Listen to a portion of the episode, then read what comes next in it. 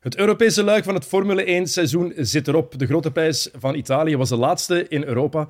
Maar afsluiten in Monza, dat is vaak de moeite. Zeker als we kijken naar de laatste jaren, want er zijn daar vaker verrassingen geweest. En dat was afgelopen zaterdag zeker ook het geval. Met een polepositie voor Ferrari en ook een derde plek. Op zondag was het iets minder verrassend. U kon het eigenlijk al raden voor de race. De winnaar was Max Verstappen. Maar hij heeft daarmee wel opnieuw autosportgeschiedenis geschreven. Zijn tiende overwinning op rij. Dat is ongelooflijk indrukwekkend. Maar daarachter was het wel heel erg de moeite en was het ongelooflijk spannend. Uh, terug van weg geweest, Sam de Jonge. Sam, welkom. Dank u. Wat vond je van afgelopen weekend? En niet jouw weekend, maar wat er is gebeurd in Monza. Inderdaad, ik heb er eh, zelf iets minder kunnen volgen afgelopen weekend, maar er, uh, daarom dat we Gert Vermeers ook uh, erbij hebben natuurlijk. Dank je. Um, ja, ik denk dat het wel een interessant weekend voor de Formule 1 was en voor dit, voor dit seizoen specifiek, omdat er eindelijk vooraan toch eens een beetje een battle was. En ik denk dat we dat misschien niet hadden kunnen verwachten van, van het team van Ferrari, gezien hun jaar. Uh, maar ze hebben dat wel gebracht en ik denk dat we daar ergens dankbaar voor moeten zijn. En langs de andere kant een historisch moment voor Max Verstappen. Mm. Gert Vermers, je zei het al, hij zit uh, naast jou heel het weekend commentaar gegeven bij ons. Je hebt er ook over mogen schrijven voor, uh, voor het nieuwsblad natuurlijk. Wat vond jij van het weekend in Monza? op zaterdag weer het interessantste, hè, zoals al zo dikwijls dit jaar. En voor een keer ook de eerste 15 ronden van een race. Uh, normaal gezien zijn dat niet de meest interessante ronden, omdat Verstappen meestal op kop rijdt en hm. niemand onmiddellijk durft aanvallen. Um, maar nu moest hij er echt voor werken, wat hij achteraf ook zelf zei. En dat maakt het extra leuk. Uh, eens zij voorbij Sainz was, was het een beetje voor Verstappen dan makkelijker. Hetzelfde niveau van altijd. Maar het eind van de race werd dan weer interessant, omdat ze verschillende bandenstrategieën hadden gebruikt en er een paar serieus doorzaten. En ook het feit dat de beide Ferrari-rijders tegen elkaar mochten hm. vechten, wat niet evident was. Zeker niet in Monza en er een paar keer dichtbij geweest zijn om zichzelf allebei van de baan te rijden, zeker.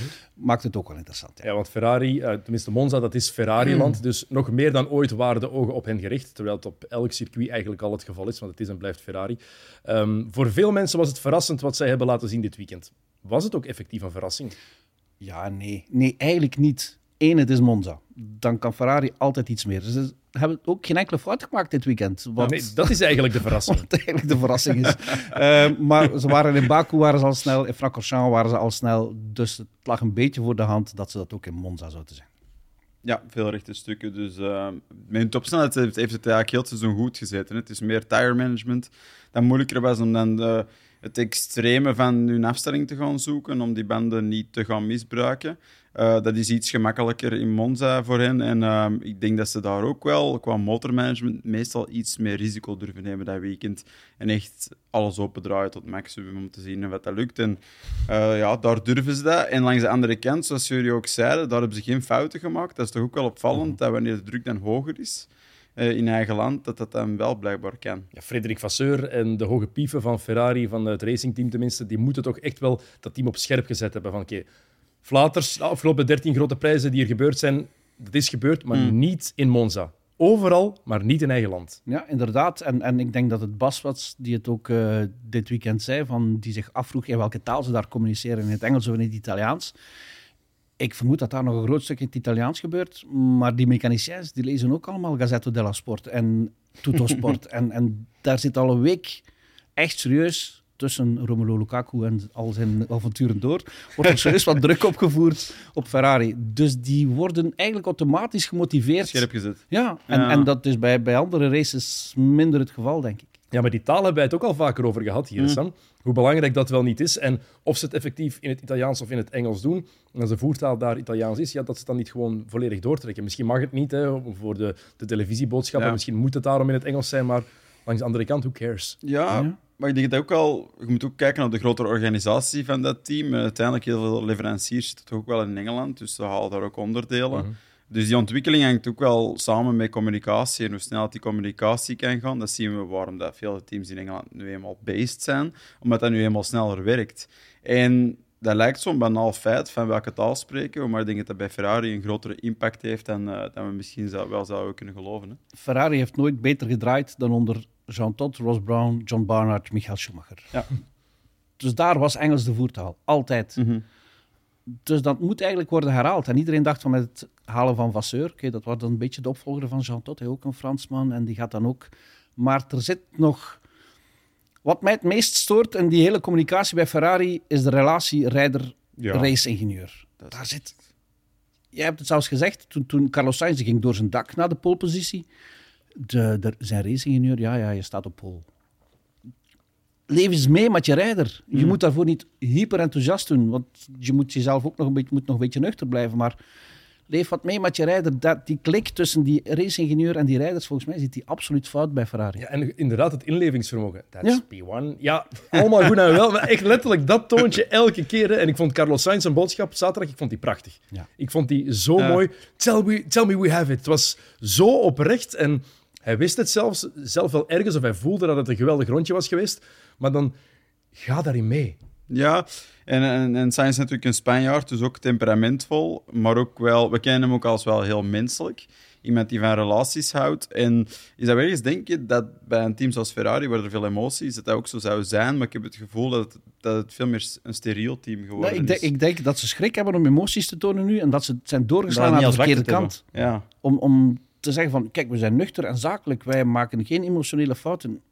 Af en toe moet je Terwijl je, eens- terwijl je twee rijders hebt die allebei hun emoties wel tonen. Ja. Ook Charles Leclerc is dat. Hij was zaterdag zelfs blij met een derde plek. Ja, En ik- oprecht blij. Ik denk zelfs zondag met die vierde ook. Of toch op de manier waarop ze gevochten hebben op heeft het hij ook gezegd. Hij heeft zelf Ja. gezegd van ik zou nooit tevreden zijn geweest met een vierde plaats, zeker niet in eigen land. Maar Hmm. door de manier waarop en omdat het ook een heel leuke race was en het tof was om te zien en om, om te racen, Ja. kan ik er wel mee leven. Maar oké, dat heeft ook wel wat tijd gevraagd van hun. Hè? En zeker bij Charles Leclerc, die altijd probeerde of, of die wilde blijven geloven dat het mogelijk was om de wereldtitel te pakken. Hè? En was gefrustreerd erover. Maar na Hongarije was het denk ik dat hij ook zei van oké, we moeten nu gewoon realistisch zijn. Als we zesde en zevende zijn, is dat waar we moeten zijn? Duidelijk niet, maar dat is wel waar we zijn. En ik denk dat hij eindelijk zich er een klein beetje bij heeft neergelegd, waardoor hij ook zijn eigen leven makkelijker maakte. Want zo kan hij ook terug beginnen genieten van derde of vierde is zijn. Want ik denk dat Charles Leclerc iemand is die zo ambitieus is dat hij zijn eigen plezier onmogelijk maakte de laatste anderhalf jaar. Als het niet winnen was, dan was het slecht.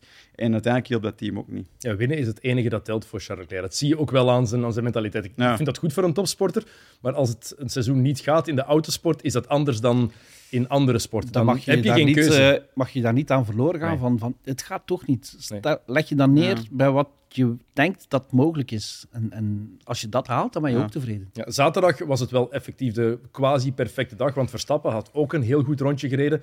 Dat van Sainz, dat van Leclerc was net niet goed genoeg. Dat van Sainz was gewoon beter.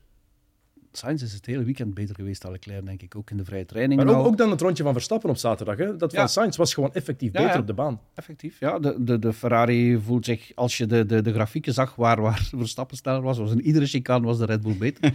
en op de rechte stukken was Ferrari dan weer. Maar hij heeft het er wel uitgehaald. En. Charles Leclerc net niet. De verschillen waren ontzettend klein, hè. maar daar komt het op aan, hè. zeker in Monza.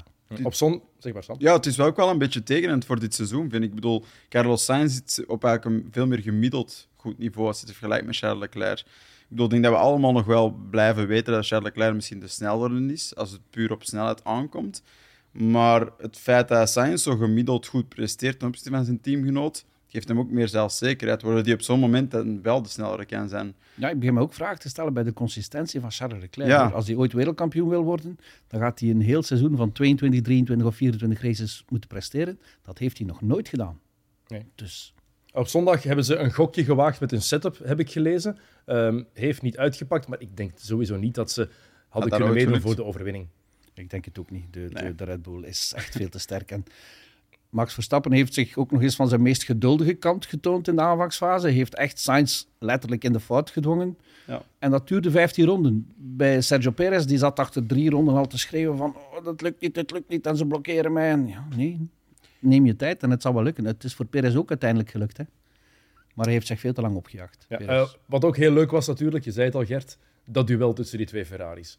Ze hebben echt mogen racen. Ze mochten geen risico's nemen. Kreeg Leclerc dan door in een van de laatste de rondes. voorlaatste ronde. Ja, ze hebben wel risico's genomen. Tenminste, Leclerc heeft toch geprobeerd een paar keer. Maar het was wel leuk om die twee wagens zo tegen elkaar te zien racen. Ja, toch wel met enig respect. Hè. Ik bedoel, eh, het was op het scherp van de snee, het was zo net niet erover. Eh, maar oké, ze hebben het heel gehouden. En natuurlijk, het gaat om een podium. Hè. Het gaat om een podium in Monza. Dus natuurlijk, er staat wel ergens iets op het spel voor, voor beide piloten. Maar ja, ik denk dat ze het laatste jaar er wel mee hebben leren omgaan. We hebben verschillende momenten gezien. Hè, wanneer het wat clashten, ook in Silverstone, tijdens quali in elkaars weg gaan rijden. Dus het is geen, moet ik het zeggen, vlekkeloze relatie, denk ik, uh, de laatste tijd. Maar ze hebben er wel mee leren omgaan. En ik vind ook wel, dat Carlos Sainz is wel iemand geworden die heel goed kan verdedigen. En dat zeg je al vanaf het begin van de race. Die kan goed zijn wagen placeren op de juiste plek. En ook bij de start, uh, ten opzichte van iemand als, als Max Verstappen, die extreem goed is in inhalen. Dus uh, ik vind dat, um, dat dat het voordeel aan Sainz heeft gegeven en die derde plek te kunnen pakken. Het is wel een dun lijntje tussen een succesvol slot aan de wedstrijd en compleet verkeerd aflopen. We hebben het bij het laatste seizoen van Vettel bij Ferrari gezien. Die zijn drie of vier keer tegen elkaar gereden, Vettel en Leclerc toen. Mhm. Dus ja, maar dan moet je inderdaad genoeg respect tonen en, en dat is hier net genoeg gebeurd. Denk ik. Eerste podium van het seizoen voor Sainz. Het verschil tussen Sainz en Verstappen was 11,082 seconden. Dat is het kleinste verschil tussen uh, de winnaar en een niet-Red Bull van dit seizoen onder de groene vlag. Hij Ja. finisht onder de groene vlag. Ook nog. Dat 11 seconden het kleinste, Kleinste verschil is. Dat, is- dat vat het seizoen eigenlijk een beetje samen, denk ik, tot nu toe. Ja, inderdaad. Dat is, Ja. dat is twee tiende per ronde of drie tiende per ronde. Normaal gezien is dat eh zes, zeventiende per ronde gemiddeld. Hè. Is, dit, is deze prestatie van Ferrari nu iets waar ze echt op kunnen bouwen? Of is het puur Nee. Circuitgebonden? Ja, dit is puur circuitgebonden. Ik, ik, misschien Las Vegas, hè, dat zou ook een, een heel snel Ja. circuit zijn. Maar ik vrees vanaf Singapore, zeker in Singapore, gaan ze weer ontzettend veel moeite hebben om, om, om een podium te strijden. Ik denk zelfs niet dat het nog gaat lukken dit seizoen. Maar misschien wel op menselijk vlak. Ehm, Ja, nee, ik, geloof, ze- ik geloof wel dat hij ergens een push kan geven. En ze staan nu ook derde in het constructeurskampioenschap. Ze Ja. zijn over Aston Martin gesprongen, dus dat is misschien ook wel een, een, boost. En soms moet je terug zo wat aanleren hoe het is om vooraan te presteren. En dit weekend hebben ze dat kunnen doen. En daar leer je soms wel dingen uit om dan Ja. volgende weekend beter aan te pakken. Maar sowieso, inderdaad, het is wel waar. Als we gewoon puur naar de auto kijken die ze hebben, ja, dan moeten we er toch van uitgaan dat er nog verschillende races gewoon zijn waar zij het heel moeilijk gaan hebben. hè. Wie het niet moeilijk heeft dit seizoen is Max Verstappen. dat is heel duidelijk.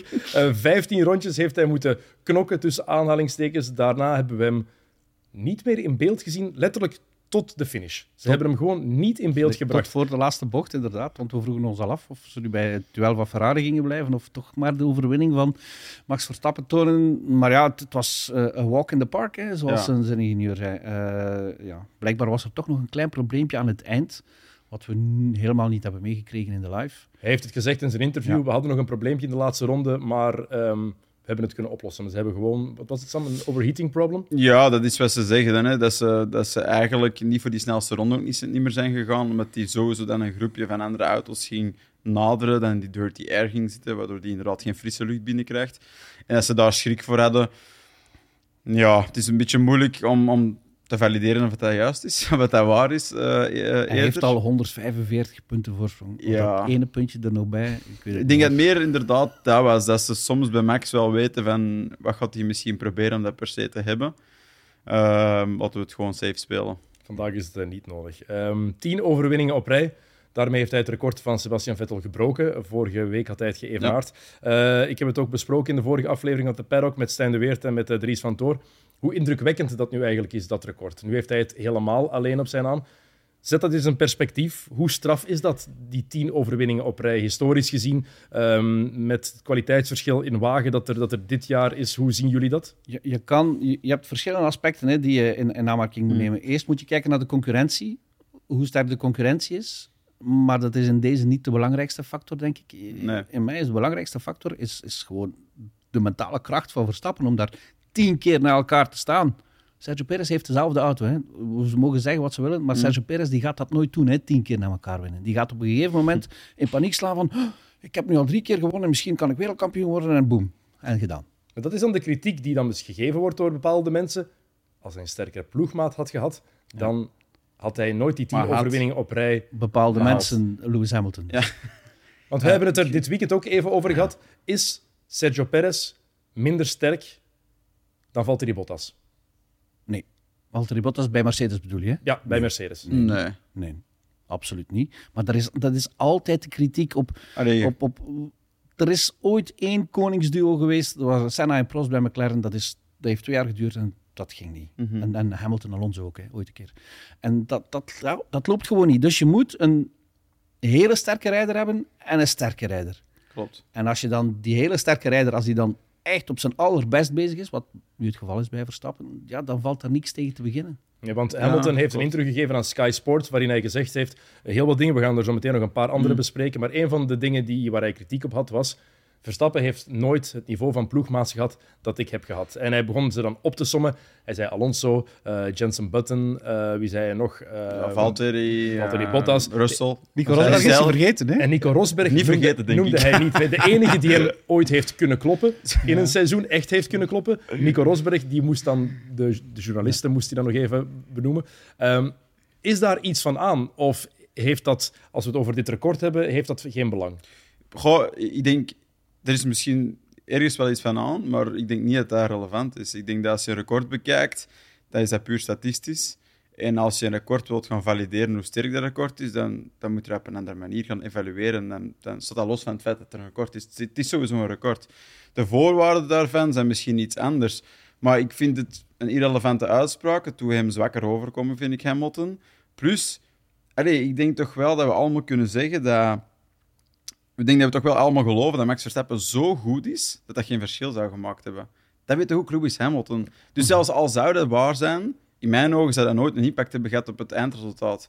Voor mij is Verstappen zo goed dat hij iedereen zou gebieden hebben van dat rijtje van, van Hamilton. Dus ik bedoel, je probeert af te leiden van iets knap. En dat vind ik, sowieso vind ik het niet, niet, niet sterk van hem. Maar ik denk dat het ook gewoon ja, niet echt heel relevant is. Ja, maar als het gaat over dit record en bekijk het objectief, dat is, soms is dat, dat is moeilijk. Voor Verstappen-supporters gaat dit moeilijk zijn, want die gaan op hun achterpoten staan Tuurlijk. door de kritieken van Hamilton. En Hamilton-supporters die gaan volledig Hamilton steunen daarin natuurlijk.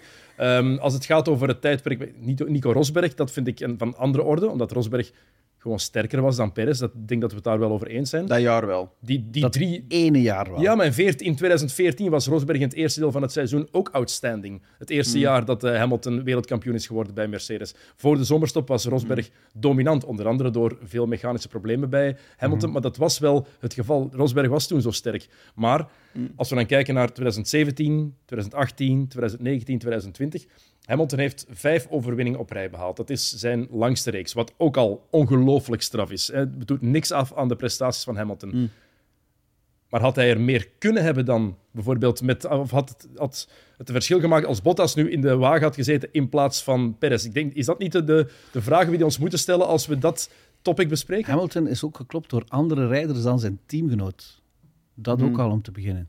Terwijl de Mercedes ook dominant was. Voilà, even dominant als, als de op de bepaalde jaren dan toch. En niet de laatste paar seizoenen, denk ik, want toen hebben ze de, de, de vleugels wat geknipt, om het maar zo Ja. te zeggen. Ehm, maar er zijn momenten geweest waar Hamilton met een even dominante wagen reed en met een even minder sterke teamgenoot als Verstappen nu. En hij is maar tot vijf geraakt. Ja. Dat heeft, en die redenen liggen dan bij Hamilton, hè? niet bij, bij, bij zijn teamgenoot of bij zijn auto, of bij, die liggen bij Hamilton. Of hij vond het minder belangrijk. Kan natuurlijk ook zijn. Hè? Nee, ik maar probeer gewoon maar winnen, de. winnen is altijd Nee, belangrijk voilà, in ik kan zeggen. seizoen. Ik denk dat dat zo diep geroot zit in hem, dat hij ook als hij erin stapt niet anders kan dan het maximale geven. Maar Hamilton heeft veel vaker in quali de pole gemist, heeft veel vaker zijn start gemist, is hij moeten terugkomen. Dus die heeft altijd wel van die werelddrives laten zien, maar hij heeft ook wel heel veel de overwinning laten lopen. En dat is het verschil, dat doet Verstappen niet. Die, die is gewoon... Allee, de, grootste deel van de tijd doet hij eigenlijk het perfecte. Dus pole, winnen, snelste ronde. Die, en dat is denk ik waarom dat iedereen eh, in de industrie van de Formule 1, de specialisten die erin zitten, die ook elke Grand Prix meegaan, die zeggen ook allemaal hoe knap het is. Mhm. Het is niet dat die zeggen van, ja, wij hebben het makkelijk. En dat zijn de mensen die al 30 jaar mee reizen. Ja. Dus dat is voor mij wel een goede Iedereen, referentie. iedereen behalve Toto Wolf, die Ja, het, eh, het die heeft andere van Max. Verstappen eh, zegt. Het is goed voor Wikipedia, eh, maar dat leest toch niemand. Dat is de, de meest typ- schandalige uitspraak van het weekend, vind ik dat. Een Dat is typische wolf. Ja, misschien wel. Misschien wel maar dit is, bedoel, toon een beetje respect voor die prestatie. Ja, Eén, om te beginnen. En twee, maak je huiswerk beter. Zodanig dat je met een betere wagen aan het seizoen kan beginnen. Zodanig dat je kan verhinderen dat je Max Verstappen niet iedere wedstrijd wint. Mm. Het ligt bij jezelf hè, als Verstappen dat kan. Dus begin dan niet zijn, zijn prestatie te Maar minimaliseren. hij heeft gelijk, het is voor Wikipedia. Maar dat kan je over elk record zeggen. Ja, laat elk het record, Ook- elk ook- record is ook voor de acht Wikipedia. wereldtitels van Mercedes in de constructeurskampioenschap is ook voor Wikipedia. Is dat dan ook niet belangrijk? Super belangrijk, Voilà. super indrukwekkend. Dit seizoen, door de dominantie van Verstappen en Red Bull, leeft grotendeels op basis van statistieken. Hè? Op, op Mm. records die kunnen geklopt worden. Neem dat weg en er is niemand die nog Formule 1 kijkt.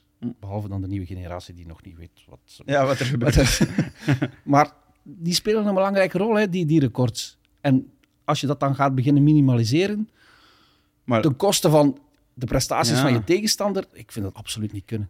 maar, maar, maar lijkt het soms niet of dat Toto Wolff en Christian Horner zichzelf verloren hebben in hun personage uit Netflix-serie?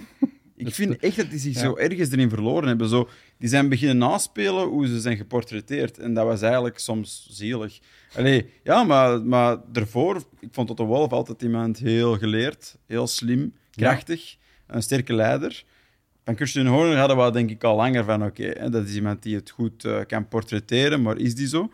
Maar nu vind ik, vind ik Toto Wolff bijna even zwak worden. En dat lijkt zo dat ze voor een beetje drama willen zorgen, maar ik vind niet dat dat goed overkomt. Nee, want eh, als je kijkt naar de kritiek die er nog geweest is, even terug naar het interview dat Hamilton gegeven heeft met Sky Sports Mm. over die indrukwekkende reeks, was hij ook wat denigrerend is misschien iets te hard verwoord, maar hij zei van ja, het is niet zo indrukwekkend als sommige mensen doen uitschijnen. Daar kwam het op neer, want we hebben al indrukwekkende reeks gehad met Schumacher, met Mhm. Alonso, met Vettel. En dat is zo. Die mannen hebben indrukwekkende jaren gehad. Maar Denk- het een sluit het ander toch niet uit? Nee, dat, dat denk ik ook. En vooral wat hij dan ook nog zei van ja, ehm, de wagen is, eh, bij, bij Red Bull is volledig afgesteld op de rijstijl van, van Max Verstappen. Dat was dan ook kritiek, maar Dat is altijd zo geweest. Nee, dat is, dat dat is bij elke eerste rijder zo. Ik, ik wil, ik wil Valtteri Bottas zijn reactie op die uitspraak wel eens horen dan.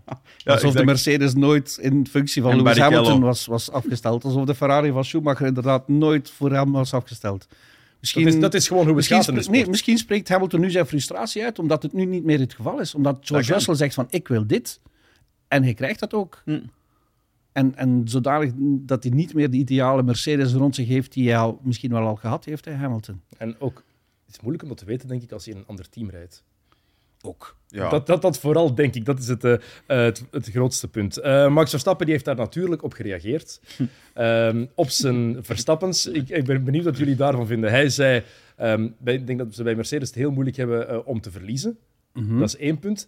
Ehm, en wat had hij, wat had hij nog gezegd? Had, Ze zijn jaloers op onze prestaties. ja, op, onze huidige, op onze huidige succes, Ja, inderdaad. had hij gezegd. Ja, hij legt denk ik de vinger op de zere plek. Hè. En ik denk dat Er valt niet veel over te zeggen, Nee, voilà. Dat is, Dat dat is gewoon- Ik denk dat hij twee keer gelijk heeft. Ja, dat denk ik ook. En, en dat ze jaloers zijn op de huidige prestaties van Red Bull en van Verstappen. Wie zou dat niet zijn? Wie zou dat niet zijn? Maar doe er dan iets mee. Pak die energie. Mm. Zorg ervoor dat je zelf beter wordt om er zoiets aan te doen. Niet door in interviews de concurrentie af te breken. Ik krijg er iets van als je zelf niet presteert en dan pro- de aandacht probeert af te leiden van jouw Mm. slechte prestaties door de concurrentie te kritiseren. Dat, Dat werkt ook niet echt. En Mensen voor, geloven ja, dat niet. voor wij- wij weer de kritiek gaan krijgen dat we betaald worden door een Nederlands bedrijf, bijvoorbeeld, wat niet het geval is. hè, Laat dat Hoe duidelijk niet, zijn. Eh, nee, dit- en nu? Wat was het maar? Eh, dit, is, dit, is, dit is gewoon de, objectief, de objectieve analyse van hoe het gewoon nu verloopt. Neemt niks weg van alle prachtige dingen die Mercedes en Lewis Hamilton in het verleden hebben laten zien, waar we ongelooflijk Dat we veel... toen ook Voilà, way. waar we heel veel respect voor hebben en waarin dan andere dingen werden gezegd. Ik wil Ja. gewoon even benadrukken. Het is gewoon... Het is een sportliefhebber een stuk, toch? En als, en als de analisten die we zijn, is het aan ons om een evaluatie ervan te geven. En vanuit onze mening blijft de mening. En het is geen Formule, wet, maar- 1, en Formule 1, dat is geen mening. Formule 1 leeft van dominante periodes. Dat is altijd zo geweest. kan bijna niet Letterlijk. anders. Je hebt Dat altijd zo'n domina- dominante rijders gehad. Dat is niet nieuw, hè? Nee, dat is niet nieuw. Het is En- gewoon nu Maar het mag ook niet te lang duren. Hè? Maar het mag ook niet te lang duren, hè, Dennis. Bedoel, Nee. je kan zo- zo'n periode gelijk die Mercedes en Hamilton hebben gehad, Of Schumacher en Ferrari. of Schumacher en Ferrari, dat is nog veel, ik vond die nog veel Ja. erger eigenlijk dan Mercedes. Maar dat poneert dan de vraag: zou de, de reglementen sneller moeten wijzigen? Of, Zou, er een korte periode moeten zijn? of beter opgesteld worden om te beginnen. Ja, Nee? maar. Ik vind het geen slecht idee wat van Sam, slecht, Ik weet niet of ze zo slecht zijn opgesteld. Ik denk. Allee, ik denk dat bijvoorbeeld in deze periode. In de vorige periode was duidelijk Mercedes die een, die een, die een bangelijke krachtbron had gemaakt. Ja. Omdat ze zijn een sterke constructeur. Red Bull had dat niet in-house, dus die konden dat niet. Nu, is- nu is het meer aerodynamica gegeven. Daar is Red Bull heel goed in. Dan komt Red Bull nog boven. Dus Maar, eh, dan het- stelt de vraag... ik vind het van- altijd zo raar en, en wat vreemd dat er altijd maar één team is die erin slaagt om die ideale oplossing bij elkaar te zetten. Maar is dat niet gewoon de combinatie van... Allee, is dat niet gewoon een stuk zo omstandigheden en alles dat goed bij elkaar valt? En dat je Maar daarom de, de, kloof bovenuit is, de komt. kloof is nu toch ontzettend groot opnieuw. Met, tussen Red Bull en de rest. En dan vraag ik me af van die andere teams, die hebben toch ook slimme koppen. En, en goede ontwerpers. En Ja, maar ik denk, dat omdat, om- hey, ik denk dat omdat de verschillen zo dicht bij elkaar liggen in de Formule 1, betekent dat wanneer je iets speciaal vindt, dat dat in Formule 1-termen een groot verschil oplevert. kijk naar McLaren bijvoorbeeld. In de evoluties die ze sinds begin deze zomer hadden, die zijn Hmm. van plaats 8 in de pickorder Ja. naar plaats 3 gesprongen ongeveer. Denk ik 3 of 4. Ja, Dus dat kan wel, de, de verschillen zijn zo. Maar dat blijft, dat Aston neemt niet weg dat, dat eh, ja, die zijn gewoon sterk begonnen. Maar die kunnen nu niet meer, ik bedoel, die evolueren niet meer mee. nee. Die zijn nu gezakt naar de vierde plaats. Die hebben het grootste deel van hun potentieel gebruikt in Ja. de winter, dat is, dat is een feit. Maar ja, ik weet niet, ik probeer mij ook af te vragen, hoe kun je die, die sport interessanter maken? En, In eh, 2025 ligt alles dicht bij elkaar. Omdat dat het laatste jaar is van die regels. Want Dan er nieuwe en dan crackballs. 26 komen de nieuwe regels, dan gaan de verschillen weer groter zijn. Het is zo'n beetje ja, de eeuwige jojo hè, in, in- Ja. in de Formule 1. Ja, dat hoort bij die sport. Ja. Eh, maar ja, wat ik wel opvallend vind, is iedereen, alle analisten, maakt niet uit in welk land, iedereen dacht, naarmate het seizoen vordert, na de zomerstop, gaan de teams wat dichter bij Red Bull komen. Want ze hebben minder tijd in de winter, ook door die straf die is gekomen. Red Bull heeft 24 van de laatste 25 Grand Prix gewonnen. ja. Dat is een hallucinant cijfer. Mhm. ja. Maar ze komen ook niet dichterbij. Tenminste, ze komen niet bij, dichter bij Max Verstappen. Nee, Degene Want dat die- is wel belangrijk. Degene die het potentieel van het wapen gebruikt. Ja. Dus dat is het potentieel van het wapen. Hè? Ja. Het is niet dat Max Verstappen daar nog een 25% schip bovenop doet. Hè? Dat is gewoon wat die auto kan. En hij is extreem goed genoeg om dat elke keer te doen. En bij bij Sergio Perez inderdaad, mochten we twee Sergio Perez'en hebben in die auto, dan hadden we inderdaad dat niet gehad. Nee. Maar de kracht van die auto is wel degelijk dat. Aan de andere kant kan je ook afvragen dan, was die straf die ze hebben gekregen zwaar genoeg? Voor het overschrijden Nee. van de... Ja, maar, Nee. die, maar die straf moest niet gebaseerd zijn op hoe, ge- hoe goed dat zij hun Nee, nee, huiswerk nee, zouden nee. doen. hè. Nee, ook wel. Allee. Ja, klopt. Ja. Zij zei, hey, ik bedoel, dat is gewoon de straf. En als jullie dan nog altijd in staat zijn om iets te maken dat die straf te klein lijkt te zijn, dan is dat eigenlijk knap gedaan. Extra verdienst. Toch? Ja. Allee. ja, zo kan je het ook bekijken. Eh, het laatste over dit. dit, dit ehm, het is altijd leuk in de sport om wat als verhalen in te beelden. Wat ik wel interessant vind is. Hoe zou Hamilton het in die wagen doen? En dat zou, het gaat nooit gebeuren. Hè? Hamilton heeft nu verlengd bij, bij Mercedes. Ik weet het, het, is ook, het zou ook een slecht idee zijn waarschijnlijk. maar ik zou die wel heel graag eens tegen Verstappen in die wagen zien rijden. Ja. Ik denk dat het niet lukt. Verstappen en Hamilton in één team. Nee, Dat, is, dat is Maar waar. gewoon dat, is het, hypothetisch. dat is het punt. Ja. niet. Puur Ja. hypothetisch. Ik zou ze heel graag in dezelfde wagen op de baan zien rijden. Twee zo'n wondertalenten zou ik echt met, de- met hetzelfde wapen tegen elkaar willen zien kunnen strijden. Ik heb het eerder deze week nog, ik weet niet meer met wie, het erover gehad. Vroeger, toen de dieren nog spraten, praten, bestond er een, een kampioenschap voor Formule 1-rijders op zaterdag, in plaats van die idiote sprintraces die ze nu hebben. Formule 2. Waar ze, nee, waar ze gewoon met, met, met seriewagens tegen Ah, elkaar ja. reden. Ja, met ja. BMW M1's of met Jaguars of, of ooit een keer met ja. de Mercedes. Iedereen met dezelfde auto. Spektakel, oké. Die auto's waren gegarandeerd kapot gereden, want er waren geen wagens van het team en die, die Formule 1-rijders die gingen dan echt voluit. Ja. Maar dat heeft ook wel iets. Dus als de Amerikanen van Liberty Media wat extra spektakel willen zorgen, neem dan ergens, neem zo'n Aston Martin Valkyrie, maak dat- er 22 dat van. Ja, dat of- gaat iedereen toch willen zien. Tuurlijk wel. Dat, is van, dat moet Ja, fantastisch maar dat zijn. maakt natuurlijk ook zondag ergens wel irrelevant. Waarom moeten wij op Ja. zondag nog rijden? Als we voor 1 honderdste van budget Ja. een sterkere race hebben gebracht. gebracht Dat eh, was ook de reden waarom die dingen zijn afgevoerd. Ja. Want dat maakt de Senna tegen Prost ook dubbel zo interessant. Hè? Ja, Twee, Ja, ja. twee zo'n legendarische rijders in Ja. dezelfde wagen. ja Vecht het maar uit. En ze mochten het ook uitvechten. Mhm. Ik denk dat Verstappen zou winnen. Ja? Ja, allee, en, en pas op, Maar niet ik, altijd. Ik wil dat ook wel een beetje toewijzen Op dit aan, moment omdat in de die auto een stuk gebaseerd is op Hamilton op is ook geen, geen 26 meer. Hè? Nee, voilà, maar ook, dat is ook een reden. Hè. Dus eh, Verstappen is jonger, kent het team, kent de auto extreem goed, is waarschijnlijk een stuk op zijn, eh, allee, op zijn voorkeuren gebouwd. Dus dat zijn eigenlijk allemaal nadelen voor, voor Hamilton. Maar laten ze dan alle twee met een McLaren rijden. ja. Of met een Ferrari. Alle twee bij Ferrari. Toch? Daar heeft geen van beiden ervaring mee met dat team. Zou cool Dat is een moeilijke auto. Kijk. Ja. zou tof zijn. Eh, goed, eh, Sergio Perez. Die heeft serieus moeten vechten voor die tweede plaats. Eh, moeten knokken met Leclerc. Heel lang moeten knokken met Sainz, die het heel goed deed eigenlijk om Mm. achter zich te houden. Het is uiteindelijk toch gelukt voor de Mexicaan. Wat vonden jullie van het weekend van Sergio Perez? Zoals steeds eh, heeft het zichzelf moeilijk gemaakt in de kwalificaties. Hè. Kwalificeer je een beetje hoger en het wordt iets makkelijker, denk ik, voor Sergio Perez. Ja, ik denk dat die ondertussen ehm, dat dat echt een onzekerheid is geworden Ja. voor hem, die, die kwalificatie. En dat wordt natuurlijk elke Grand Prix erger wanneer je jezelf niet kan eh, heruitvinden of, of, of herbevestigen. En ehm, ja, dat is een schrikelement geworden, denk ik, voor, voor hem om, om de limieten van die wagen te gaan opzoeken, omdat die hem vaak... Die auto bijt hem vaak en hij heeft er, hij heeft er echt wel... allee, hij begint er eigenlijk meer en meer van weg te blijven. Dus hij maakt in- inderdaad zijn eigen weekends moeilijk. Gelukkig maakt hij het voor een groot stuk nog goed in de race. Ja, meestal zelfs. Hè. Voilà, meestal wel. Dus dat, dat, zo blijft hij wel wat geloofwaardig. Maar langs de andere kant, ik weet, ik weet niet goed of het echt goed genoeg gaat blijven. Ik heb mij enorm geërgerd aan zijn gemekker. Ja, Hij was echt aan het klagen ehm, over het rijgedrag van Carlos Sainz. Terwijl Sainz gewoon... Oké, af en toe was hij iets te veel aan het bewegen bij het remmen. Zeker de laatste twee rondes dat ze aan het strijden waren. Maar voor de rest, dat is racen toch? Dat is, dat is je plek verdedigen. anders Hij, heeft zeker twee keer gezegd van he pushed me off, terwijl het helemaal zijn eigen schuld is, was dat hij in die situatie terecht kwam Ja. in die eerste chicane. Ja. Blijf dan niet aan de buitenkant als je niet langs zit. Dan Ik moet je toch inderdaad... ja, voilà. Ja, ja dat weet. Dan, dan, dan weet je toch. Allee, of dat zou je moeten weten. Ja. ja. Het, is, het is een beetje, denk ik, het is eh, deel van, deze, van die tijdperk van, eh, van de Formule 1 en van de autosport. Want de jonge generaties die leren dat ook, ook om over de radio dan te mekkeren, inderdaad. Dus, Hoe, hoe doe jij Ehm, dat? Ik- Sam komt nooit in zo'n situatie. Moi. Hmm. Ehm, nee, ik durf ook wel scherp zijn. Maar ik ben ook wel realistisch genoeg dat als, als dat gewoon goed verdedigd is, dan kan ik sowieso wel lastig zijn, want je wilt er voorbij. Maar oké, je hebt- je hebt dan ook de ballen en de, en de intelligentie om een plek te zoeken dat je gewoon er voorbij forceert.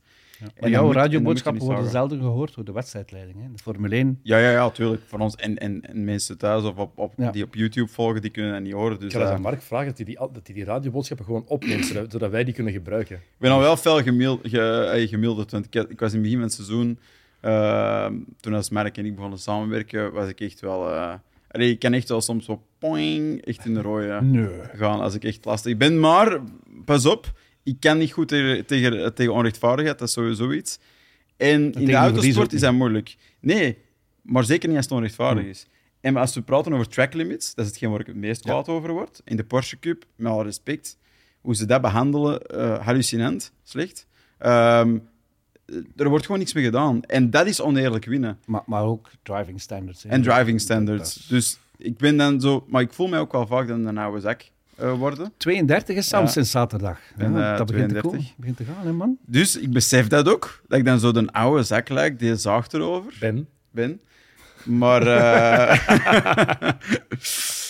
maar goed, ja. Ik denk dan zo, dan, dan probeer ik dat in een positief daglicht te zien. Van, ik, probeer de, ik probeer het ook te verbeteren voor de, voor de jongere generatie, snap je? oh, dat is mooi. Een wereldverbeteraar, Sam de Ja. jongen. Eh, Mercedes eh, was het derde team van het weekend. eh, na de twee Red Bulls, de twee Ferraris, eh, P5 en P6 voor Mercedes. Het was wel duidelijk dat Hamilton het heel het weekend iets lastiger had dan George Russell. Was op zaterdag ook al zo.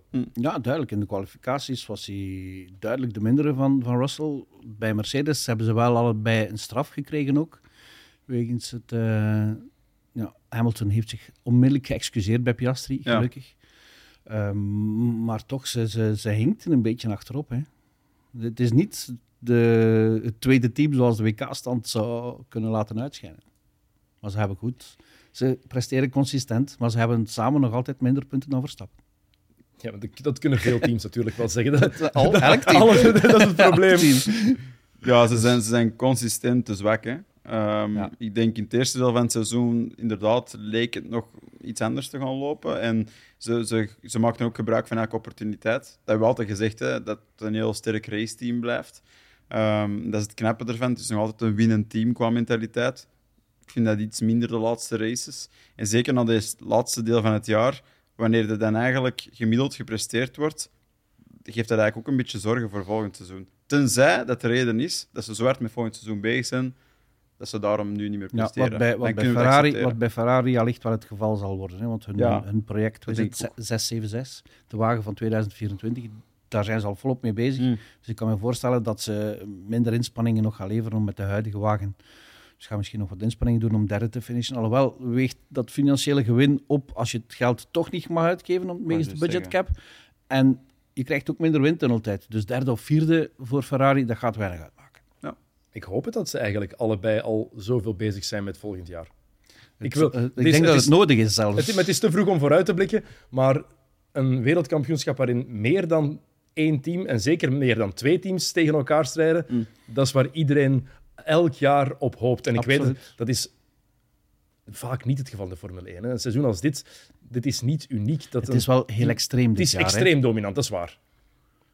Ze maken zelfs, ze hebben, er is nog geen enkel ander team dat op één moment aanspraak heeft kunnen maken op een raceoverwinning. Maar Nee. geen enkel. Maar het stoort mij niet harder dan het Mercedes-tijdperk. Maar toen waren er andere teams die af en toe wonnen. Ja, omdat zij uitvielen. Ja, wel. Ja, oké, maar dan niet op, niet uit. prestatie. Dus ik vind, ik vind dat enkel interessant als er een ander team sterker is. En maar zeg- en- niet, omdat de twee, niet omdat Rosberg en Hamilton tegen elkaar rijden en er wint iemand Maar dat anders. maakte die Ja. eerste drie jaar waarin Mercedes gedomineerd heeft wel interessant. Omdat het effectief Rosberg tegen Hamilton was. Je had het persoonlijke verhaal Ja, ja. en hun vriendschap van vroeger. En omdat ze op de baan vaak aan elkaar gewaagd waren. Of er nu problemen waren Mm. met de ene wagen of niet. Het, Mm. het Nee, was wel maar vaak ze spannend. reden al bij elkaar, in elkaars buurt, wat bij Verstappen en Perez nooit het geval is. Perez ziet Verstappen nooit in een race. Ik wilde nooit, zeggen, dat is, eigenlijk, dat is on- ons ontnomen door Perez na Miami. Door, onze, door zijn onzekerheid. Ja. Anders hadden we dat misschien wel een beetje gehad. Maar het is niet zo. Nee, het is niet zo. Eh, ze hebben ook allebei een contract verlengd bij Mercedes. George Russell en Lewis Hamilton. Allebei tot en met 2025 gaan ze voor Mercedes rijden. Ja. Goeie zaak voor de, het team en goede zaak voor de autosport. Ja, ik vind van wel. Ja. Ik bedoel, het- in het geval van Hamilton dan, dat Russell verlengt, vind ik sowieso een goede zaak, want die verdient een topteam. Mhm. Zelfs al presteren ze nu wat minder. En dat Hamilton nog twee jaar extra blijft, blijft een zevenvoudig wereldkampioen, blijft iemand die nog altijd competitief is. Ja. Ik denk, ik vond twee jaar eigenlijk eerlijk gezegd nog te weinig. Voor allebei? Voor allebei. Oké. Maar dat zou dom geweest zijn van het team om meer dan twee jaar te geven. Dat Ja. is dat zo'n lang contract zoals Lando Norris of Max Verstappen zelfs bij Red Bull. Ik vind als team mag je dat risico niet nemen. Want je weet nooit wanneer die motivatie wegvalt. Plus, denkt er niet bij Hamilton dat dat langs zijn kant beperkt is tot, tot dan? Misschien, ja. Allee, ik denk niet dat dat een voorwaarde van Mercedes was of zo. nee, nee, nee, nee. denk Ik denk dat Hamilton, ja, maar dat is dan ook eerlijk tegenover hem. Hè. Ja. van, van zijn kant uit tegenover het team. Het is wel een teken ergens dat Hamilton, dat dat vuur wel nog altijd brandt. Dat vind ik er wel mooi aan. Ja. Het, is, het is en blijft een, een echte kampioen. Die, die uitspraken Absoluut. waar we het daarnet over gehad hebben tegen Red Bull, voor mij verraadt dat ook ergens dat hij gewoon nog te graag wil winnen. Ja. Dat, dat hoort daar ook bij, want we kunnen er kritisch over zijn en dat is terecht dat we daar kritisch over zijn. Maar langs de andere kant zegt het ook veel over de ingesteldheid van... Nu, was ik wil hij, daar tegen strijden ook. was Ja, hij in komt het bij mij 21 toch de achtste keer wereldkampioen geworden, dan had hij zijn contract nu niet verlengd, denk ik. Dan Nee. was het goed geweest. Ja, natuurlijk, het, hoe het gebeurd Ja. is... Zoiets, ik kan me Dat- inbeelden... Dat als blijft je, toch pieken. Als je een winnaar bent, blijft het knagen. Hè? Vooral ook omdat hij zelf zal vinden, en iedereen vindt dat wel, hij heeft sindsdien nog nooit de wagen of de kans gehad om dat recht te zetten. En dat wil hij Hmm. toch een keer doen. Hoe zou je zelf, hoe zou je zelf zijn, Sam? Als je zoiets, mee, heeft als je zoiets, nooit als je zoiets, mee- nee, maar als je zoiets meemaakt Ik ben als, wel aan het wachten op mijn achtste. als, je zoiets meemaakt als Ehm, atleet en je krijgt nooit de kans om een keer revanche te nemen. Ik denk dat het wel verzacht wordt doordat wat je natuurlijk allemaal hebt. Maar langs de andere kant, hoe dat je eruit gaat, bepaalt ook eigenlijk je perceptie voor de rest van je dagen. Nico Rosberg. Dus ja, ja, ja. Hè? Niemand Wie vindt ja. schat zijn wereldtitel nog naar waarde nu, omdat hij Hmm. gewoon de handdoek in de ring heeft gegooid vlak daarna. Plus, Hamilton kan nog een wereldtitel verliezen dan Felipe Massa. Dan heeft hij er zes. Stel je voor. Ah ja, dat is een rechtszaak zeker. Die rechtszaak, daar is toch ook eh, nog wel Ja, eh, is- wat nieuwe info boven gekomen eh, hoe ze dat aan het aanvechten zijn. Maar ehm, Gaan, we dan, gaan we dan ook naar de eerste twee wereldtitels van Michael Schumacher kijken met de illegale Benetton? Dan heeft hij er maar vijf. dat is het Zo blijven door. Fangio. Fangio, binnen vijf jaar is Fangio opnieuw recordhouder. hè, Kunnen, kunnen, we, kunnen we ook heel veel tour-overwinningen ook nog eh, opnieuw Maar die zijn geschrapt, schrappen, hè, die van nee, nee, van, ja, van Ja, één van- iemand. ja, ja, Pantani inderdaad. heeft hij van hem nog, Ja. Jan Ries heeft hij Ja, van hem inderdaad. eigenlijk ook nog, denk ik. Ja. Jan Ulrich. We gaan er veel kunnen schrappen dan... inderdaad. eh, Dat is geschiedenis, hè, dat is uiteindelijk. gebeurd Ja. toch? ja, tuurlijk. Ik vraag me af wat Massa daar eigenlijk wil mee bereiken. Hij wil een wereldtitel krijgen. Ja, en hij, wil, hij zegt ook, hij wil ook ergens financieel, eh, denk ik, er meer van terug. Maar natuurlijk, wat ook meespeelt, dat hoor je bij heel veel eh, topatleten. Een nederlaag, zeker zo'n nederlaag, blijft langer nazinderen en daar blijven ze meer problemen mee hebben dan eh, dat ze de overwinningen koesteren. Jerry West, Ja, ja, ja. topspeler in de NBA, de man waar het logo van de NBA op gebaseerd is, Mhm. heeft negen keer de NBA Finals verloren, denk ik. Heeft hem één keer gewonnen. En zegt van, ja, het zijn die nederlagen die mij nog altijd achtervolgen. Die één overwinning, ja, dat is... Hangt dat niet een beetje Allemaal af goed van en je wel. persoonlijkheid toch? Ik weet het niet. Als je echt een winnaar bent... Ik denk dat Alain Prost zijn vier wereldtitels meer koestert dan die paar die hij op een domme manier Maar daarom dat ik zeg de manier waarop, zeker hoe Hamilton die laatste wereldtitel Ja. verloren Maar heeft. eigenlijk, dat kunnen we toch makkelijk... Allee, verliezen, dat gevoel van verliezen, dat gevoel is toch sterker dan het gevoel van winnen? Ja. Ik vind dat toch. Verliezen is... Dat is pijnlijker dan, dan het euforisch is om te winnen. Ja. Ik vind dat wel. Kan ik je helemaal Omdat je ook meer verliest, hè, eigenlijk. Nee, ja, maar dat is ook gewoon een, dat, dat is een moeilijker gevoel mee om te gaan. Winnen is gemakkelijk om mee om te gaan. Dat Ik is, denk ik dat heb het- gewonnen, Winnen dat, dat vraagt geen gevolgen. Winnen passeert ook snel. Het, Verliezen wel. het gevoel van winnen, dat is, dat is heel leuk. Voilà. Maar dat passeert snel. Maar verliezen... Het maakt niet uit Ja, op welk niveau. Ik heb het zelf genoeg meegemaakt. De dag erna, twee dagen daarna. Ik Ja. kom daar nog altijd Je- pokken slecht gezind Je van. blijft je dat kwalijk nemen ergens. Terwijl een overwinning dat je dan denkt, oké, on to the next one. Ik vind dat ook. Nou, ik zit hier met twee sportmannen in de zetel. Ik- nee, ik denk dat het vooral belangrijk is wat je laatste resultaat is. In het geval van Alain Prost bijvoorbeeld, die is gestopt met de wereldtitel. Dat is ideaal, denk ik. Nico Rosberg ook. Nico Rosberg ook. Dat is misschien de Maar reden. in zijn, in zijn hoofd, dit- nee, maar in zijn hoofd is dat nog altijd het belangrijkste feit. Hij staat stil bij die wereldtitel. Mm. Andere mensen staan gewoon stil bij het feit dat hij hem niet durfde te verdedigen. Dat was durfde wel- te verdedigen. Dat was een heel knappe beslissing van hem. Om dan niet goed in te schatten hoe het was om een gemiddelde YouTuber te worden. Natuurlijk, het mentale welzijn van Nico Rosberg mogen we ook niet onderschatten. Hij heeft het dat jaar zo moeilijk gehad eh, als hij het niet meer kon. Maar inderdaad, door wat hij nu doet, lijkt het allemaal een beetje vreemd. Ja. Door hoe hij nu Hij zijn rol in de Formule gemaakt, hè? 1-wereld nog altijd Nee. wil innemen, komt het allemaal een beetje raar Oh. over. Jackie Stewart is ook gestopt met de wereldtitel en met de verongelukte teammaat. Maar die loopt nog altijd in de paddock rond, in de F1-paddock. En nog altijd krijgt hij van iedereen veel respect. hè. Hij heeft op de, op de startrit in Monza zelfs nog weer, weer een cadeau gekregen van Dominicali en van... Maar het is ook een baas, hè, Jackie Stewart. Hey, absoluut een baas. Eh, Nico Rosberg trouwens, moet ook stoppen met die interviews te laten, Ja, laten absoluut. doen. Dat is Eh, David. David Coulthard doet dat fantastisch. Ja.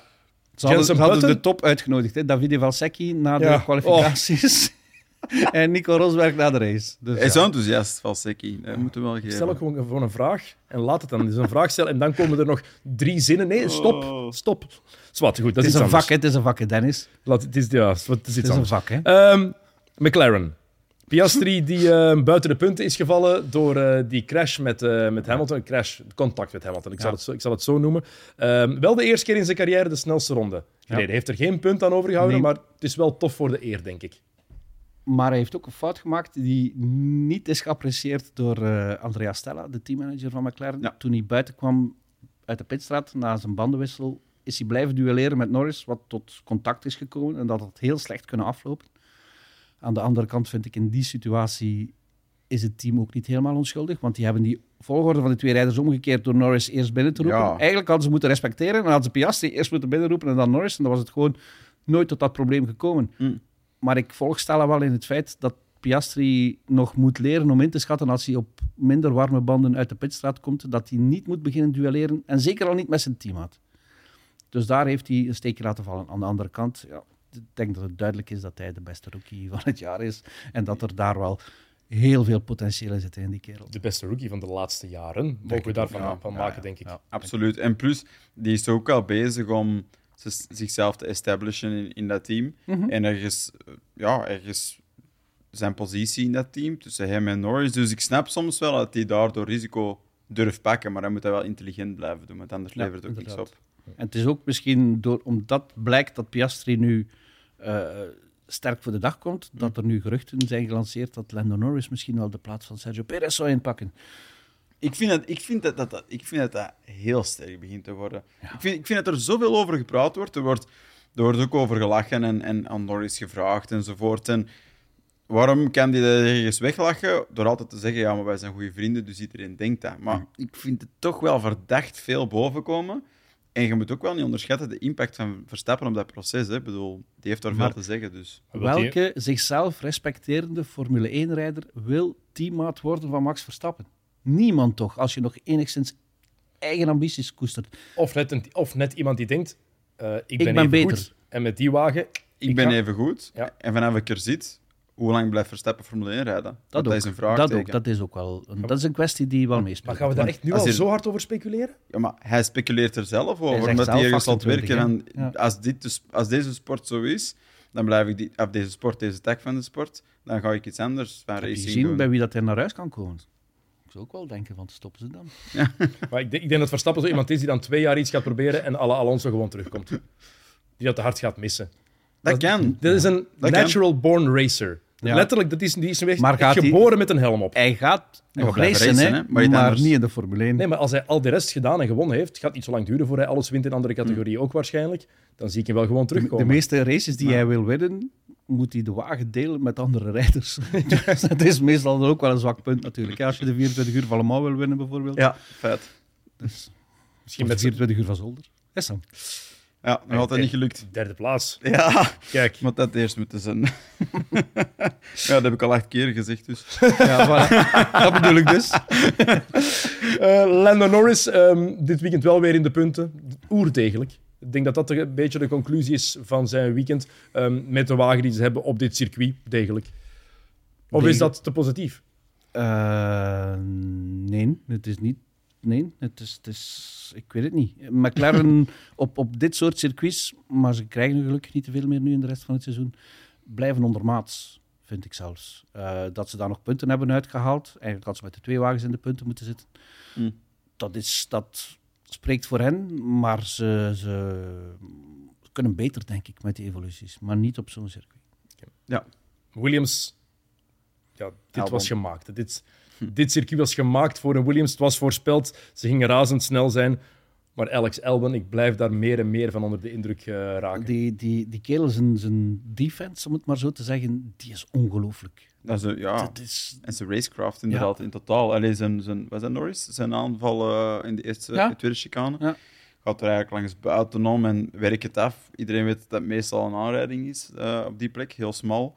Ehm, hij, is, hij, is, hij is niet te vergelijken met de Albon die bij Red Bull heeft Nee. gereden. Dus hij is tien keer completer. Maar ik vind de huidige En- Albon beter dan de huidige Sergio Perez. Maar gaat hij, nog, een kan- maar ik ook. gaat ja. hij nog een kans krijgen bij een topteam? Of gaat Williams stappen blijven zetten waardoor hij bij dat team gaat willen blijven ook? Ik hoop het eerste, maar het zal het tweede moeten worden, denk ik. Want Omdat, omdat hij zich verbrand heeft bij Red Bull? Nee, ik hoop niet dat dat de reden is. Maar ik denk gewoon dat er... Bij de topteams zitten ze allemaal voor een tijdje vast. Hè, nu. Dat is ding. Maar dat, dat is echt zo het tragische van zijn verhaal. Stel nu dat Ferrari zou zeggen, wij willen Albon. Dan kan hij zich daar ook helemaal verbranden. Hij verbrandde niet zichzelf als piloot, maar als zij niet presteren, dan heeft hij ook geen, geen echt super succesvolle carrière. Nee, maar ik- dus waar krijgt hij wel een kans waar hij effectief kan races winnen? Op die moment nergens. Nee, maar Ferrari, dat lijkt me nog wel een optie. Want, In plaats van wie dan? Carlos Sainz, Sowieso. die gaat in 2026 voor Audi rijden. Punt. Dat, is, dat lijkt nu al zo goed als vast te staan. Dus dat is het jaar dat Ja. Albon, waar Albon op moet mikken. Nog Wat twee jaar Williams en dan die stap proberen nog lang, te zetten. Dat is nog lang, dat is hè? heel lang daarom. Alle signs die Ja, dat- wijzen in die richting, toch? Oh, dat is echt een hele slechte. Dat is wat vakantie met je doen, jong. Ja. Oh, wauw. Dat is wat vakantie met Dat is, echt, dat is echt heel erg. Want ja, dan speelt natuurlijk ook... Het zijn je laatste races die tellen. En nu is eigenlijk het moment, hè? ja, nu moet hij naar een topteam. Hè. Hij, hij zegt zelf ook, ik zit op zo goed als op mijn piek, dus nu moet hij naar een Super, topteam. super moeilijke beslissing, hè? Maar, er- maar er is, jullie zeggen het al, er is geen plek. Waar? Ferrari zit vol. Mercedes zit vol. Red Bull zit ook vol. Ja. En naar Red Bull, zelfs als daar een plek zou zijn, ik zie Albon niet opnieuw die, die, die stap zetten of die gokwagen. Die is volgens mij zelf slim genoeg geworden Ja, om dat niet te inderdaad. doen. Dus wat blijft er dan nog over? McLaren gaat hij ook niet naartoe, maar zit ook vol. Hopen, hopen dat Williams groeit. Ja, stel dat Norris naar eh Williams is wel een team dat op Ferrari na het meeste wereldtitels heeft, hè, de geschiedenis van de Formule 1. Dus Lang, lang geleden. Maar het is, Lang, ook een lang team- geleden. het is ook een team dat het financieel zo moeilijk heeft gehad dat het nog altijd een dashboard heeft dat niet op het stuur vaststaat. ja, Omdat het zo moest besparen op, op zo'n zaken. Dus dat zijn allemaal dingen die, die het En- lastiger en, maken. Hè? En de centen van een tweede rijder nodig heeft om, om rond te geraken. En Er zit wel duidelijk een daar zit positieve potentieel in. En, en het feit dat ze, dat ze nu James Vowles hebben Ja. aangetrokken als teammanager, dat getuigt toch van enige ambitie. En volgens mij kunnen ze dat ook aan. Ja. Van, die, van, de, van de teams van de tweede helft heeft Williams met voorsprong het meest potentieel. Denk ik. Het is ook iets wat iedereen wel hoopt, denk ik. Hè? Dat Williams weer stappen gaat Ja. zetten Ja. en dat ze terug het aanzien krijgen dat ze verdienen. Want de jonge generatie, wie geboren is in 2000 of later, Mm. Kent zelfs in Nee. in ken het 95 succes of later, er niet van, kent nee. het succes van Williams niet, tenzij dat hij de geschiedenis van de Formule 1 natuurlijk Ja. ongelooflijk bestudeerd heeft. Maar het is altijd bijna een staartploeg geweest in Mhm. al die jaren. De Ja. laatste paar decennia toch Het zal een beetje afhangen van het, eh, het financieel voorstel dat hij ook krijgt van hen. Hè. Ik bedoel, wordt het iets van de lange adem? Wilt hij er jaren blijven met zekerheid, met een goed inkomen, maar misschien wel zo'n Nico Hulkenberg-carrière hebben? Of, of beter ergens anders, maar hoe, hoe lang dus? Eh, wie ook goed was dit weekend, was eh, Liam Lawson. Ja, De vervanger van Daniel Ricciardo. Ja, Hij krijgt nog twee grote prijzen om Het begint zorgwekkend te worden voor Ricardo, vind ik. ik vind dat ook. Dat Ja. is, dat is, eh, dit is niet het scenario dat hij een paar races mist, tot daar aan toe. Ja, Maar als hij dan wordt vervangen door, door iemand die eigenlijk even goed presteert in zijn eerste twee races ja ma- maar jonger is. en veel jonger is, veel meer de logische keuze is voor de toekomst van Ja. Red Bull. Door Ricciardo, die had die races echt wel nodig om elk raceweekend te kunnen laten zien Mhm. van... Oké, kijk, hè, het, is, het is echt wel terecht en verdient misschien een kans om terug te komen naar Red Bull in die plek van, van Perez. Die kans wordt nu veel kleiner. Hij heeft nu nog maar x aantal Grand Prix over om het te doen. Dus ook het opbouwproces voor hem... ja, want hij, niet, hij zou nu pas in Qatar terugkeren, dus Ja. hij mist Singapore, hij mist Japan. Japan, als Lawson daar mag rijden, verwacht ik heel veel van Lawson, want die rijdt nu in de Superformula, hè, in het Ja. Japanse kampioenschap. Kent Suzuka ook wel wat. Dus, en als hij dan ook weet dat dat zijn laatste kans is om nog eens te bewijzen wat hij waard is, eigenlijk zou Ricardo kunnen terugkomen in de plaats van Tsunoda, nee? Ja. Die had wel pech dit weekend natuurlijk. Ja, die had Ja. Hij, hij, kon er, hij heeft geen resultaat kunnen rijden. En die heeft ook een goed seizoen. Hè. En op zaterdag was hij goed, Tsunoda. Maar het feit dat Lawson in zijn tweede race met de Formule 1-wagen, Ah. tweede weekend, zo dicht zit bij Tsunoda. Dat zegt, ik weet dan niet of iets zegt over Lawson of over Tsunoda, hè, maar het verschil is veel kleiner dan Ja, normaal. dat zegt het over de Vries. En wat zegt het over de Vries? Inderdaad. Ja, het is, dezel- het is dezelfde Klopt. wagen. Dat klopt. Het is de wagen van Nick de Vries waar hij in zit. Ja, En Ja. kijk wat hij ermee doet. ja, voilà. Dus ik denk dat de beslissing over de Vries eh, meer en meer gerechtvaardigd Ja, dit, eigenlijk, dit bewijst dat. Hè? Ja. Wat Liam Lawson laat zien, bewijst ergens het gelijk van, van AlphaTauri om de Vries aan de kant te schuiven. Nu, ik weet het, Liam er zijn Lawson- twee grote prijzen ver met hem. Het is heel kort. En Lawson heeft niets te verliezen. Dus die druk die heeft hij al niet. Zou je binnenwandelen en zeggen, I'm the Lawson? Oh, dat is... oh Sam, jongen. Man, wat zat er in dat daten op vakantie, joh. Ik vond die best goed. Dat is het erge. Allee, ook gewoon ik dat me visueel voorstel. Zo, Zo'n staf. Ik weet niet welke. Pitbord. Ah, ja, ja. De lollipop. I'm the Lawson. En ben dan zo bam, zou Tsunoda zijn- out. Als jij het schat van de wereld eens een keer mag overnemen van Jeroen. hè. Je kent hem. Ja, ik kan dat. Vraag het eens. Vraag het eens. Ik ben benieuwd wat... Eigenlijk, stuur eens een paar voorstellen door. Is goed. Zie je dat hij gaat Heb, heb ik reageren. al jaren gedaan. Oké, nog één positieve, positieve zaak. Ehm, iemand die ik echt wel moet benoemen. We hebben hem daar seks misschien iets negatiever benoemd. Valtteri Bottas. Ja. Tiende plek met een Alfa Romeo. Mm. Die dit seizoen ja, de meest grijze wagen is op de grid, denk ik. Mooie wagen? Figuurlijk dan? Ja, figuurlijk. Mooie wagen, hè? ja. Maar Mee eens. het maakt Nee, heel vond- weinig los. Ik vond Bottas, was het, ik denk dat het de tweede vrije training was. Dat hij was vier rondjes aan het rijden. En dan zegt hij van, ik kom nu binnen. Onbestuurbaar deze auto. Oké, Valtteri. Hop. En dus hij beslist, hij zegt wat er moet gebeuren. Ik denk dat Valtteri Bottas zich nog nooit zo goed gevoeld heeft in een Formule 1-team als nu. En, dat, En in zijn leven. en in zijn leven Ja. misschien ook wel. En dat is duidelijk op de manier waarop hij te werk gaat nu. Oké, Mm. er zijn al die grappen met zijn, met zijn mullet en met zijn Ja. snorren, met al die andere toestanden. beer. En, en Mhm. Duff beer. En dat, het is alleen jammer dat zijn wagen niet meer competitief is. Ja, en je, je ziet inderdaad zo de sparkle is er een beetje uit. En dan geraakte volgens mij als piloot ook al een tijd wel minder gemotiveerd. Want zelfs Joe, allee, die toch heel goed gedebuteerd heeft eigenlijk als rookie. Ik weet niet, dat is ook heel grijs. hè. Het is, eh, ja, maar het is, ik vraag mij ook af, het, het Alfa-team, dat is eigenlijk Sauber, Mm. hè, het Zwitserse team, Ja. dat dan Audi wordt in 26. In hoeverre ze daar nog bezig zijn eigenlijk En nu? m- met nu en Mm. niet al 26 aan het voorbereiden zijn. Ja. Want. Dan, dan moet, moeten de grote jaren beginnen. Hè. Het is wel tijd voor een andere look voor Bottas. Het, was, het is heel tof geweest al, hè? Ja, ja. maar ik vind nu, na de zomerstop, ik had iets anders verwacht. Iets anders origineels. Het mocht, het mocht Hij, aangepast worden. hij wisselt al drie keer van helm per weekend. Laat het uit. Dat is, Ja. al, dat is al tof. Oké, de negatieve zaken die we dit weekend gezien hebben eh, met stip op één Alpine. Ik, ja, Ik, eh, zeker na het Niet podium, in, ik, maar. na het podium in Zandvoort is, moet de, de, de shock toch wel heel groot geweest zijn daar. Ze kwam er nooit aan te pas. Nooit. Zelfs, zelfs geen beetje. Nee, Nee. nee, slechte pitstop, ook gewoon inderdaad geen performance. Ik, ik vind ze, ze zijn heel wisselvallig. Ehm, En zeggen dat, dat het enkel aan dat de project, kracht, hè. ja, dat het enkel aan die krachtbron ligt, vind ik een beetje te kort door de bocht en te snel beslist eigenlijk.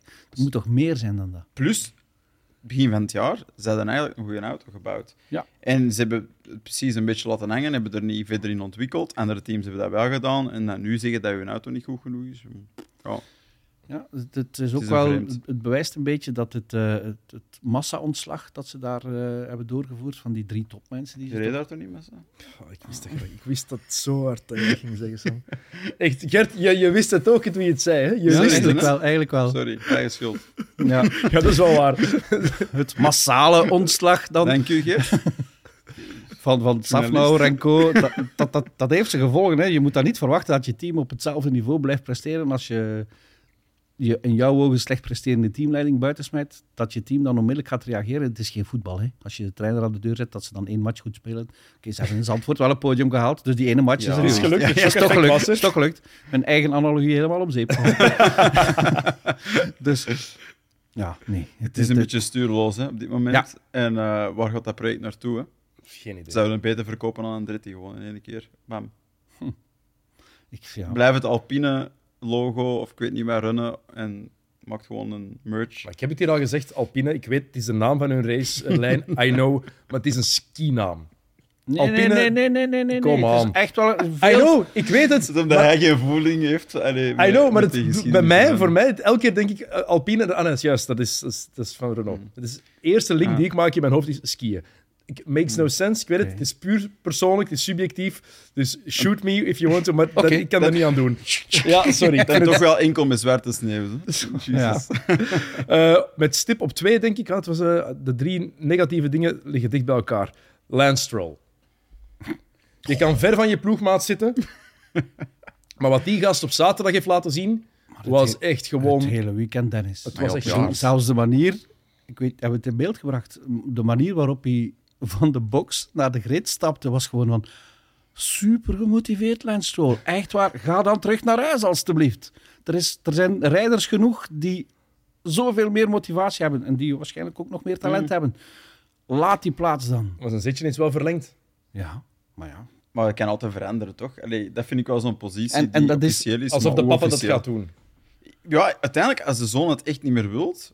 Ik bedoel, Ja, het, is, zal- het is nu groter geworden dan de zoon, snap je? Het was een middel om de zoon in Formule 1 te krijgen. Maar ondertussen is natuurlijk... Hij heeft een merk overgepakt, hè, snap je? Van een automerk. En door Fernando Alonso, nee, dankzij Fernando Alonso Voilà. is het nog groter Hij heeft nu een geworden. drijvende kracht daar. Dus op zich, als Lance liever op zijn boot ligt, laat hem dat dan doen. Dat is ook een plek voor Albon om naartoe te gaan. De boot van Stroll. Ah, nee. In de zomer.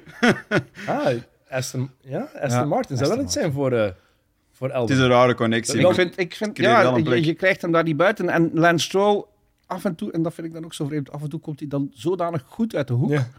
Maar hij kan het. Dat is juist het Maar ding. ik- dat is het. Hij kan Dat, rijden, maakt het zo irritant. hebben. Dat maakt het afgelopen weekend Ja. ook zo gênant. Dat is waar. Omdat je weet dat er iets in zit. irritant was een goede keuze. Meer dan gênant. Irritant. Het is... Het is pijnlijk om te zien. Zeker bij, als je weet dat het team veel potentieel heeft op dit moment. Ja, geen potentieel. Dat zijn de enige twee wagens die gedubbeld zijn. Haas. Ja, Ik heb medelijden met Gunther Steiner. ik weet dat niet. Nee.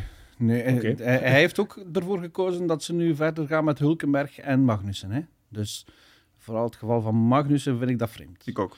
Ehm, maar ja, ze, ze hebben gelijk besloten dat ze het seizoen al gaan laten vallen. Maar ik hoop dan maar dat dat volgend jaar zijn positieve Ja. gevolgen zal hebben. Maar ik vrees er een beetje voor. Als er één team is, Mm. en nu ga ik heel luid en slecht roddelen over een team. Als er één team is dat enkel in de Formule 1 zit, omdat ze weten dat dat een goede investering is, die Mm. over vijf jaar gaat opbrengen als ze het team gaan verkopen, Mm. is het wel Haas. Die zitten gewoon, die zijn er en ze doen mee. En voor de rest brengen die niks bij aan. En die filosofie verandert ook. Een paar jaar geleden investeren ze dan in twee jonge Ja. rijders. Ik wou jonge talenten zeggen, maar Mazepin reed daar, dus jonge rijders. Eh, talent was dat niet. Maar En Schumacher ook, hè. Schumacher Mazepin, dat is een, de compleet tegenovergestelde keuze als Magnussen. Daarom. Ja, en ik, ik snap die ingesteldheid niet. Ik snap niet waarom ze nu het geweer van schouder wisselen eigenlijk. Ik denk wel dat er initieel wel een echte ambitie was om iets te bereiken. Ik denk dat je dat ook in de eerste seizoenen van Netflix wel kunt zien. Uh, dat er echt wel iets meer achter zat. Um, maar inderdaad, denk ik, wat Geert zegt klopt. Dat werd dan ineens van eigenlijk een project dat, dat slecht ging, werd dat ineens een heel slimme investering. Ja. Bleek dat zo te zijn. Een beetje met geluk. Zo van, oh, oh Ja, ja. dan blijven we wel. Want anders hadden ze inderdaad er al lang niet meer ingezeten. En dan wordt het bijna een te zakelijk gegeven. En ik denk dat je in topsport toch altijd wel nog een klein beetje echt wel moet willen. Dus uh, los van het financiële. Oké. Over twee weken zitten we in Singapore. Wat verwachten jullie daar? Altijd een mooie Grand Prix, hè? Ja, altijd, altijd leuk om naar te Mooi kijken. straatcircuit ook. Einde van de reeks van 10. Ja? Ja. Als er Boom. nog één circuit is waar dat kan, Ja, is dat het is. Singapore wel. Dat is waar. En Ja. als het niet gebeurt, ja, dan gaan we voor 20. En naar, en naar wie kijk je dan? Nee, dat weet ik niet. Maar, want het zal iemand zijn die minder sterk is dan, dan de Red Bull en dan Verstappen. Maar ze gaan... Veel kans op Foucault-Cielo, veel Voilà. kans, op En- safety cars. En, regen en ook, gewoon incidenten in de race. Hoeveel, Ja, dat- hoeveel keer is het daar al niet gebeurd dat, dat, dat er wagens worden uit de race genomen omdat er iemand anders begint te spinnen? Verstappen heeft het ook al een keer eens meegemaakt. Hè. Zoals Alonso is dan toen van de baan gereden met de McLaren die niks voorstelde. En Alonso was ervan Ja. overtuigd dat hij de race ging winnen. Piquet is er ook eens gespind, hè? Oké, dat is over twee weken. Maar dat was die race die door het proces van massa eh Ja, moet inderdaad. worden geannuleerd. Hè, ja. Het gaat nog heel interessant worden, hè, dat proces. Eh, Of niet? Of niet. Ik hoop, ik hoop van niet. Was hij want nu gewoon niet met die tanksland vertrokken in die grote prijs van Singapore toen, dan was hij wereldkampioen geweest. Dus dat is stopt om ook de schuld weer ergens anders te leggen. Oké, on that bombshell. Mannen, bedankt om erbij te zijn vandaag. Yes. Eh, volgende week dus geen aflevering van de Paddock, want er is geen grote prijs. Over twee weken de grote prijs van Singapore. Die kan u live volgen op Play Sports op zaterdag en zondag. En maandag zijn wij er dan met een nieuwe aflevering van de Paddock. Dus heel graag tot dan. Salut.